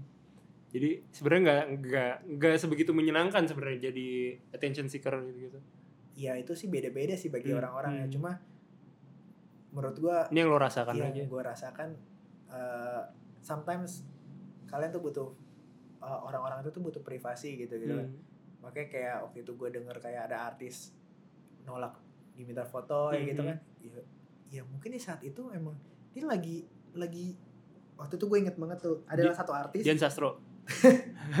ini bukan sih yang ini yang lagi makan ya Iya kalau yang salah. lagi ya. makan iya gue lupa sih artis siapa Eh, siapa? lagi makan dimintain foto dia oh bukan Dian Sastro Dian Bukan. Sastro lagi jalan waktu Lagi itu. jalan. adalah satu penyanyi dia Hmm. lagi lagi makan dimintain foto dia nggak mau ya itu kan lagi privasi dia dia lagi menikmati waktu sama keluarganya gitu Mm-mm. ya ya emang kadang-kadang kita juga gue tuh juga ngefans gitu sama orang gue punya idola gue punya uh, gue kalau ketemu gue pengen minta foto tapi gue di satu sisi kayak oh dia lagi butuh privasi main sama teman-temannya gitu, Hmm. kan, sama keluarganya segala macam kayak gitu sih Gitu ya. Jadi memang ya memposisikan diri aja sih. memposisikan diri aja gitu Hmm. ya beda lah kalau misalnya dia lagi manggung dia lagi apa ya udah kita minta foto ya bebas segala macam tapi ya kalau ketika dia lagi menikmati waktu sama keluarganya apa enak sih kita nggak ganggu mereka Mm-mm. gitu kan Kadang tuh gue suka penasaran kin Hmm. kayak. eh, kadang ada berita nih tentang Buna Hmm. Terus lu juga jadi keangkat juga, Ah, angkat gitu. ah. Tapi lu suka sebel gak sih? Misalkan yang untuk berita yang negatif ya, berita yang negatif yang dari Iya, netizen iya, netizen. iya. Ya, Capek gak sih? justru gue sebel cuma bedanya kalau gue Hmm? gue tuh lebih cuek sementara kalau bini gue itu kadang-kadang tuh suka kepikiran gitu suka sampai Hmm. kepikiran gue bilang ya udah sih cuek aja maksudnya kalau kita cuek juga orang-orang juga iya nggak bakal terlalu nanggepin gimana tapi semakin kita nanggepin ya semakin kita diulik lagi gitu dihajar lagi Hmm. gitu gitu kan ya berusaha mengontrol diri aja sih sebenarnya Apa yang mau lu sampaikan ke Sabiru ketika nanti dia remaja? Ketika- Karena gak gampang cuy, menjadi Gua- anak seorang Okin dan Rachel V-nya. di satu sisi gue minta maaf sih pasti gue minta maaf Seriusan, karena ya sebenarnya ini sebuah ketidaksengajaan dan bukan suatu kesengajaan gue membuat dia menjadi seorang yang terkenal gitu Mm-mm. karena gue nggak tahu sih gimana dia nanti menjalani hidupnya ketika mungkin dia SD gitu kan Mm-mm. mungkin menjadi orang yang mungkin dikenal tapi ya gue tuh sebenarnya emang dari awal sharing Sabiru itu ya semua ibu-ibu gue yakin semua ibu-ibu dan bapak-bapak itu pasti sharing anaknya, Bener, iya bener kan? cuy, bener. pasti anaknya di foto, anaknya di videoin, semua ibu-ibu gue Iya. yakin gue semua Iya. ibu-ibu kayak gitu. Cuma yang mungkin bedanya di sini nggak tahu kenapa banyak orang yang juga suka ngeliatin dia gitu. Akhirnya mau nggak mau dia menjadi anak yang dikenal banyak orang gitu. Sementara itulah yang gue kurangin di adiknya kan. Di Hmm. adiknya gue nggak terlalu banyak mau nge-expose segala macam Oh. karena gue takut ya jadi kayak biru gitu ya maksud gue kasihan lah si biru lagi jalan gue paling nggak tega sih eh ketika lagi jalan-jalan tuh banyak yang minta foto segala macam tapi kalau ketika Hmm. biru itu gue emang lebih banyak eh dulu nolaknya ya cuma Hmm. kalau sekarang gue udah bisa balikin ke dia mau nggak diajak foto dia udah bisa bilang enggak gitu. Oh, mau oke. gitu mau gitu kan kadang-kadang jangan kan sama orang sama gue juga udah udah bisa nolak kalau di snapgram ya gitu Oh, nggak iya? mau iya udah nggak mau Oh. di videoin gitu dia udah bisa udah ngerti gitu jadi ya emang bisa dibilang nggak gampang juga sih Oke. Hmm. Ada gak yang pernah nyubit-nyubit uh, pipinya Sabiru tapi gak Ada, izin kalau ada gitu? ada itu kadang-kadang bikin kesel juga ya Iya. cuma ya mungkin salah gue juga kali ya Oke. kayak gitu. udah pikir-pikir Waktu Biru lahir lu sempat bikin statement kalau lu gak bikinin dia Instagram. Iya, Kenapa? ya itu di satu sisi karena gue menghindari ya jangan kan kayak gini gue gue aja Hmm. uh, sama bini gue pernah disindir salah satu stand up comedian Siapa namanya? adalah jangan nanti berantem Oke. salah satu stand up comedian apa bedanya Rachel V-nya sama pengemis di pinggir jalan sama-sama memanfaatkan anak untuk mendapatkan uang katanya Oke. Iya, Padahal kan gak gitu. iya nggak gitu. Hmm. Maksud gue ya ya gue nggak bikinin IG aja kayak gitu apalagi dibikinin IG gitu Mm. takutnya jadi kayak kalau dibikinin IG tuh aduh harus ada konten apa lagi ya yang ada gini takutnya kayak gitu jadi Hmm. takut dianggap terlalu mengeksploitasi mungkin ya Hmm. jadi ya emang gue dari awal udah nggak usah bikinin IG lah di sharing kalau mau sharing ya sharing di kita aja kayak ibu-ibu dan bapak-bapak pada umumnya Hmm. Oke oke oke. Ini menarik sih kayak Nah, kita bisa ngeliat sisi yang lebih humanis gitu dari Iya. Okin dan keluarganya karena mungkin kita dari dari layar kaca HP tuh ngeliatnya Iya. lu tuh superstar banget men. Sampai ya. emak gua itu suka banget ngeliatin video YouTube lu. Anjir. Seriusan iya kayak gue berangkat mah aku berangkat nih izin ke mana? Rumah Okin. Wah salam mis salam. Gitu mak gue cuy. Ah, seriusan. jadi kayak maksud gue kita terbiasa melihat lo sebagai sosok yang berbeda gitu. Iya. padahal lo sendiri juga manusia biasa gitu kan. manusia biasa pasti. makanya jadi ada sisi itu. Ini menarik sih. Terus gue juga penasaran eh, kita sekarang bicara tentang Okin tadi dengan impiannya untuk menghidupi banyak orang dan ini yang salah satu yang gue salut dia mempercayakan banyak eh, perusahaannya dia banyak proyeknya dia sama teman-teman terdekatnya Hmm. lu punya reason tertentu gak sih Iya. padahal kan maksudnya Iya, iya. temen lu itu belum Hmm. tentu skillful temen lu itu belum tentu Iya. Expert di bidang itu gitu Contohnya Tony Norman. Ada skill, skillnya apaan dia? itu dia Jadi gue andelin aja udah. makanya jadi kayak sekarang banyak banget yang megang Taichan ini tuh temennya dia ini Iya, ini, iya. ini lu mempercayakan Iya. temen-temen lu Terus gue gue selama gue bisa bermanfaat buat orang-orang banyak, kenapa nggak sekitar gue aja dulu yang eh yang gue maksud tuh gini, tapi gue nggak pernah sih nawarin gitu, karena gue Hmm. kadang-kadang ngerasa nggak enak juga gitu. Maksud gue lo kalau lo bisa membedakan lo bisa membedakan gue di dalam dan di luar itu nggak apa-apa. Tapi kalau misalnya itu membuat lo menjadi canggung seutuhnya itu gue nggak mau gitu. Hmm. Maksudnya gue nggak pengen ketika nongkrong itu jadi gap jadi gap anjir gara-gara lo kerja sama gue lo jadi ngerasa gimana gitu. Jadi Gua segen banget iya gitu gue nggak pengen kayak gitu. Makanya gue malah makanya gue gak seutuhnya itu tuh yang bener ya cuma Tony doang lah yang yang bener-bener dia kan di di satu circle pertama gue lah ya. Iya. yang lainnya tuh rata-rata circle kedua gitu. Mm. maksudnya gue gue lebih ngomong ton tolong kayak gini gini gini nanti tolong sampein deh. Karena gue nggak pengen terlalu ini juga gitu. Tapi ya selama gue bisa sukses bareng-bareng sama teman-teman gue ya kenapa enggak gitu. Tapi lu nggak ngeri kalau ada resiko nanti misalkan ada ada problem. Pa- Iya. problem pasti ada kan? Nah, itu kan jadi potensi hubungan pertemanan lu jadi Iya. nggak sama lagi ya balik lagi ketika gue kan sebenarnya nggak terlalu bukan gue yang nawarin kan untuk pertama Hmm. kali kan misalnya misalnya adalah temen gue kerja di Taichan gitu Iya. Hmm. gue kan ya selain Tony ya maksudnya selain Hmm. Tony gue kan gak nawarin mereka langsung mereka yang nawarin diri gitu Hmm. ya udah ketika lo nawarin diri ya lo pegang responsible itu di diri lo sendiri gitu Hmm. lo nawarin diri gue oke gue oke ya kalau lo kenapa-napa ya berarti kan lo sendiri yang harus bertanggung jawab gitu ya lo mau canggung ya itu urusan lo gitu Hmm. menurut gue ini jujur eh Okin tuh salah satu yang gue kagumin karena dia memperkerjakan banyak temen-temennya nah, dan gak bersifat bosi gitu. iya. Lu lu mungkin yang lagi nonton ngerasa gitu punya temen kelompok tugas gitu di sekolah. Iya. Ada satu temen yang emang pinter banget, dia tuh kayak suka bosi gitu loh. Iya. Okin tuh gak kayak gitu, tapi Okin pengen ngerangkul kita gue semua. gitu sama Tony ya Iya, keren cuy. Lu sama gue pun juga, lu Iya. kasih kesempatan di sini, gue Iya. thank you banget men. iya maksud Ah. iya ya emang gue gak suka kayak gitu aja sih sih, Gitu kita ya? kita temen kita temen aja lah Lu gak gila respect berarti ya orangnya. enggak men maksud gue gue malah ketika gue pengen tuh ketika bekerja ya kita bekerja ketika Hmm. kita udah di luar ruangan ya udah kita balik jadi teman lagi gitu Goblok-goblokan lagi, Iya. kata-kataan lagi, ceng-cengan iya, lagi. ah, iya gitu sih maksud gue ya gue nggak pengen dianggap canggung sih maksudnya Hmm. jangan jadi canggung lah gara-gara lo kayak gitu nggak kayak gitu Oke, oke, oke, oke. menarik banget nih. Sekarang kita eh, beralih. Nah. Tadi udah ngomongin eh, karir musik lo, Ah. kita udah ngomongin bisnis lo juga Hmm. gitu. Bisnis terus keluarga juga diomongin Iya. gitu. Lu kira-kira di 10 tahun yang akan datang lu melihat diri lu seperti apa sih, Kin? Anjir. Berarti di umur 20 36. Iya.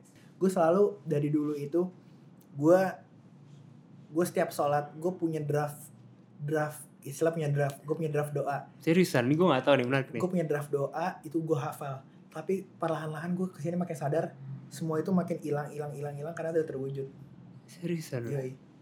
Apa aja sih?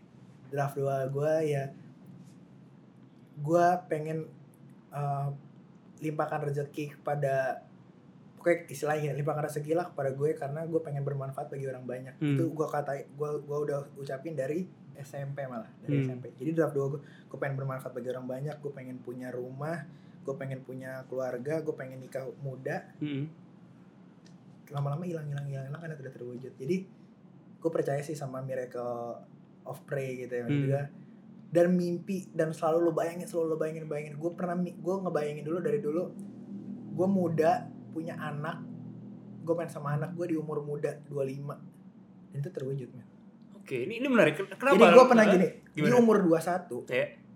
gue ingat banget gue ditanya sama saudara gue Heeh. di umur 21 itu gue belum belum belum pacaran sama Rachel gue belum bisnis gue belum ada apa-apa gue ditanya mau nikah umur berapa Hah. gue tiga hah gila dua tahun lagi dong emang udah siap ya insya Allah sih siap-siap Kuliah juga belum lulus. belum lulus tapi kenyataan bar akhirnya gue nikah umur 22 Oh iya benar setahun kemudian. Iya nggak tahu kenapa. Dan nikahan lu trending di mana-mana, Iya, cuy. maksud- iya, maksudnya iya iya. Iya lu jangan pernah mainin doa aja sih. Doa sama pikiran sih itu itu. Oke. misalnya lo sebelum tidur lo ngebayangin Hmm. lo pengen punya ini gue pengen punya itu tapi lo lo ulang-ulang terus aja. Sampai gue udah pernah gue mimpi gue ngeband di SMA gue gue pengen balik ke SMA gue dengan gue ngeband wujud gue kemarin sama Ups main di dua-dua. Wow. padahal dua-dua nggak pernah punya pensi seumur hidup tiba-tiba dia bikin pensi ngundang gue itu Oh. gue ngebayangin udah dari lama banget Wow. Gila sih. gue sampai mimpi itu detail lo mimpi detail aja udah namanya mimpi dan doa ya bebas dong lo mau ngebayang itu itu imajinasi lo tapi ya lo itu ter, terwujud bar banyak banget hal-hal yang terwujud dari mimpi dan doa itu Sesuai batin gitu ya. So, iya Nah ini juga hal yang gue penasaran juga mungkin dari lo. Hmm. Banyak mungkin cowok-cowok yang di luar sana yang pikirannya kayak ah gue mau sukses nih, gue mau tajir nanti biar kayak Hotman Paris. Iya, iya. Bisa jalan sama banyak cewek, Iya. bisa di Bali kayak Iya. oh banyak-banyak cewek gitu. Lu di, lu di posisi yang lu bisa seperti itu, Kin. Iyalah, duit lu banyak ya kan. Lu juga main Tapi- band ganteng, keren. Kayak lu bisa sama banyak cewek, tapi kenapa lu milih sama Buna dan ya menikah karena muda? gue kan Heeh. gue bisa kayak gini karena dia men. Gak bisa dipungkirin gue diajarin sama dia. Dan rezeki lo nikah gue percaya rezeki nikah rezeki punya rezeki anak itu kan di, dalam Islam kan disebutin kan. Hmm. lo nikah dapat rezeki lo punya anak dapat rezeki Iya. itu semua itu men. Maksud gue ya mungkin ya ini bukan mungkin ya ya ini semua ya emang karena istri gue sama anak-anak gue yang gue nggak mungkin ya nggak kayak Hotman Paris gila kali ya. Tapi tapi lu gak pingin? Kayak atau dan Nggak. Bilzerian gitu di Instagram ya kan? iya itu, itu gila banget ya orangnya Gila banget men. Kayak gue ngeliat Instagram itu baru-baru kemarin. Anjing ya orang ya. Gila ya yang tempat te- cewek-cewek telanjang gitu Iya, kan. neraka jalur prestasi Iya, dia. neraka jalur prestasi.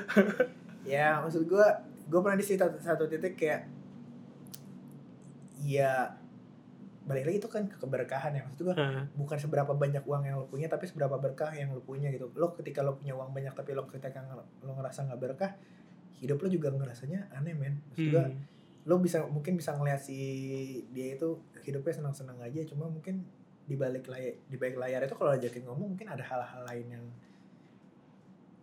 who knows semua orang Iya, punya benar. masalah men. Nggak nggak- semua orang nggak bisa diukur dari masalah materi aja gitu masalah materi lo jadi bahagia nggak kayak gitu juga Hmm. maksud gue ya materi bikin lo bahagia cuma pasti ada satu sisi di mana lo ngerasa nggak nggak nggak bahagia aja Lu sempet ngerasa kosong sempet ngerasa di saat lu udah sampai titik ini iya sempet. sempat ngerasa kayak ya tapi ya balik lagi lo, lo punya keluarga lo punya istri lo punya anak ya itulah penyemangat hidup lo gitu Oke. Terus gue juga penasaran apa yang bikin lo pingin nikah muda, Kin? Karena kan Iya. lu sempat statement juga di video klipnya Iya. Leon yang eh, semesta bersabda Ah. gitu kan. Karena kan gue takut nih kayak lu nggak bisa nongkrong lagi segala macam Iya. gitu-gitu. ya di saat itu ya karena emang situasinya udah beda sih bang maksud gue Hmm. gue menjalani hidup gue ya gue kan waktu itu kan uh, apartemen gue kan sama Rachel kan atas bawah kan gue Mm-mm. satu apartemen karena ngampusnya bareng juga Mm-mm. gitu gue nongkrong bareng gue bisnis bareng gue diajarin bisnis bareng gue ke mana-mana bareng gue menjalani hidup gue ya dibantuin sama dia segala maksud gue dia ngajarin gue bisnis dia ngajarin gue segala macam maksud gue ya apalagi sih maksud gue yang harus ditunggu gitu ya mungkin Hmm. udah siapnya sekarang dan mungkin orang tua gue juga ya daripada pacaran gitu kan maksudnya iya maksudnya bukan dalam arti daripada lu pacaran lu nikah ya tapi maksudnya posisinya di sini gue udah udah merasa ya udahlah gue udah semuanya gue udah menjalani hidup gue bareng lo gue udah sharing bareng lo ya mungkin saatnya buat nikah men gitu Oh gitu. Yoi. Sempet nyesel gak dengan nikah muda? sempet nyesel sih enggak karena ya balik lagi kan karena gue ngomongin situ ya lu tetap masih bisa nongkrong Hmm. bisa, bisa nongkrong lu tetap masih bisa main-main cuma emang ada batasannya tapi batasan itu bukan dianggap sebagai anjir nih ada batasannya lagi tapi batasan itu ya dari kesadaran lo sendiri ya kali lo nongkrong pulangnya jam 4 pagi lo udah punya Iya. istri gitu, kayak gitu kan udah punya anak ya kali lo mau nongkrongnya jam 4 pagi jadi keterbatasan itu sebenarnya timbul dari diri sendiri sih maksudnya Hmm. bukan digepin kayak diatur kalau lo tinggal di rumah orang tua kan nggak boleh balik pagi gitu Iya, kan iya, nggak iya. boleh balik pagi tapi sementara lo ketika, lo nikah ya gue emang nggak boleh balik pagi kayak gitu bedanya Nikah muda stres gak sih sebenarnya? nikah muda Saat lu persiapan pernikahan tuh. Ya setiap ya setiap pernikahan pasti stres sih. Hmm. karena kan ya namanya nikah ujiannya banyak kan. Maksud Apa gua- aja ujiannya? maksud gue ya kayak ya pastilah eh, ya gue juga dapat cerita dari teman-teman gue kan kayak ya entah keluarga eh, pengennya ini yang saat gue pengennya ini gitu kan. Kan kadang-kadang keluarga pengennya kayak gini ah sementara kita pengennya kayak gitu. Wow kayak wah ribet deh persiapan. Cuma ya itu hal-hal wajar lah yang dialami setiap orang ketika mereka mau menikah Hmm. gitu. Pernikahan lu tuh gokil banget men. Lu sadar akan hal itu gak sih? Kayak dari Kagak. undangannya aja tuh keren banget cuy bisa ada. ya itu karena emang Ah, Rachel kan orangnya perfeksionis banget kan. Hmm. Maksudnya dia pengen segala detailnya itu bagus gitu. Jadi Hmm. yang banyak ngidein itu sih kayak dari dia sih semuanya. Dia yang Hmm. pengen perfeksionis sih segala macam. Oke oke. Lu sesayang apa sih sama Rachel? Sayang lah gila. Maksud gue ya gue menjalani semua ini semuanya gara-gara dia gitu. Hmm. Maksud gue keberkahan ini ya semuanya gara-gara keluarga semua Hmm. gara-gara keluarga ya maksud gue terlepas dari doa doa kedua orang tua gue juga pastinya ya kan doa kedua orang tua gue ya doa dari istri anak gue ya semuanya Keluarga ya. keluarga Titik terendah hidup lu tuh apa Kin? titik terendah hidup gue adalah ketika waktu itu gue ngerasa kayak ya gue sendiri gue nggak punya nggak punya orang buat berlindung. Gue nggak pernah eh gue nggak punya tempat buat sharing. Gue nggak punya teman yang deket-deket banget gitu. Itu sebelum zaman zaman night gue gue nggak pernah punya Itu SMA. SMA mungkin. Eh udah kuliah sih udah Kuliah, udah kuliah. kuliah kuliah awal. Ya gue ngerasa kayak aduh hampa banget sih hidup gue gitu Oke oke. Saat-saat itu ya. iya saat saat itu Oke, eh, terima kasih banyak tertanduk sangat menyenangkan sekali episode bersama Okin ini Iya, semuanya di sharing juga. Iya. Ada yang mau lu sampaikan mungkin apa tuh ke diri lo sendiri? iya Ini mungkin nih videonya akan lu tonton lagi Hmm. di lima tahun yang akan datang Iya, gitu. iya. Apa yang lu mau sampaikan? Yoi, terima kasih udah berjuang sampai saat ini dan jangan pernah berhenti berjuang dan berdoa sih karena ya lo tahu sendiri lo ada di titik ini karena lo selalu berdoa dan berimajinasi ya kan Hmm. selalu membayangkan hal-hal yang positif ya mungkin 10 tahun lagi lo akan berada di yang gue bayangin sekarang gitu ngerti kan maksud gue Iya. iya Bener-bener. Terima kasih banyak Okin. Yoi, thank you bar Gila, semua impian lu tercapai dan apa ya? gue gue ngerasa lu tuh role model aja sih banyak orang yang kayak bilang lu tuh relationship goals segala masih macam banyak yang lebih baik. Gila men. Oke Oke. Peter Tanduk terima kasih banyak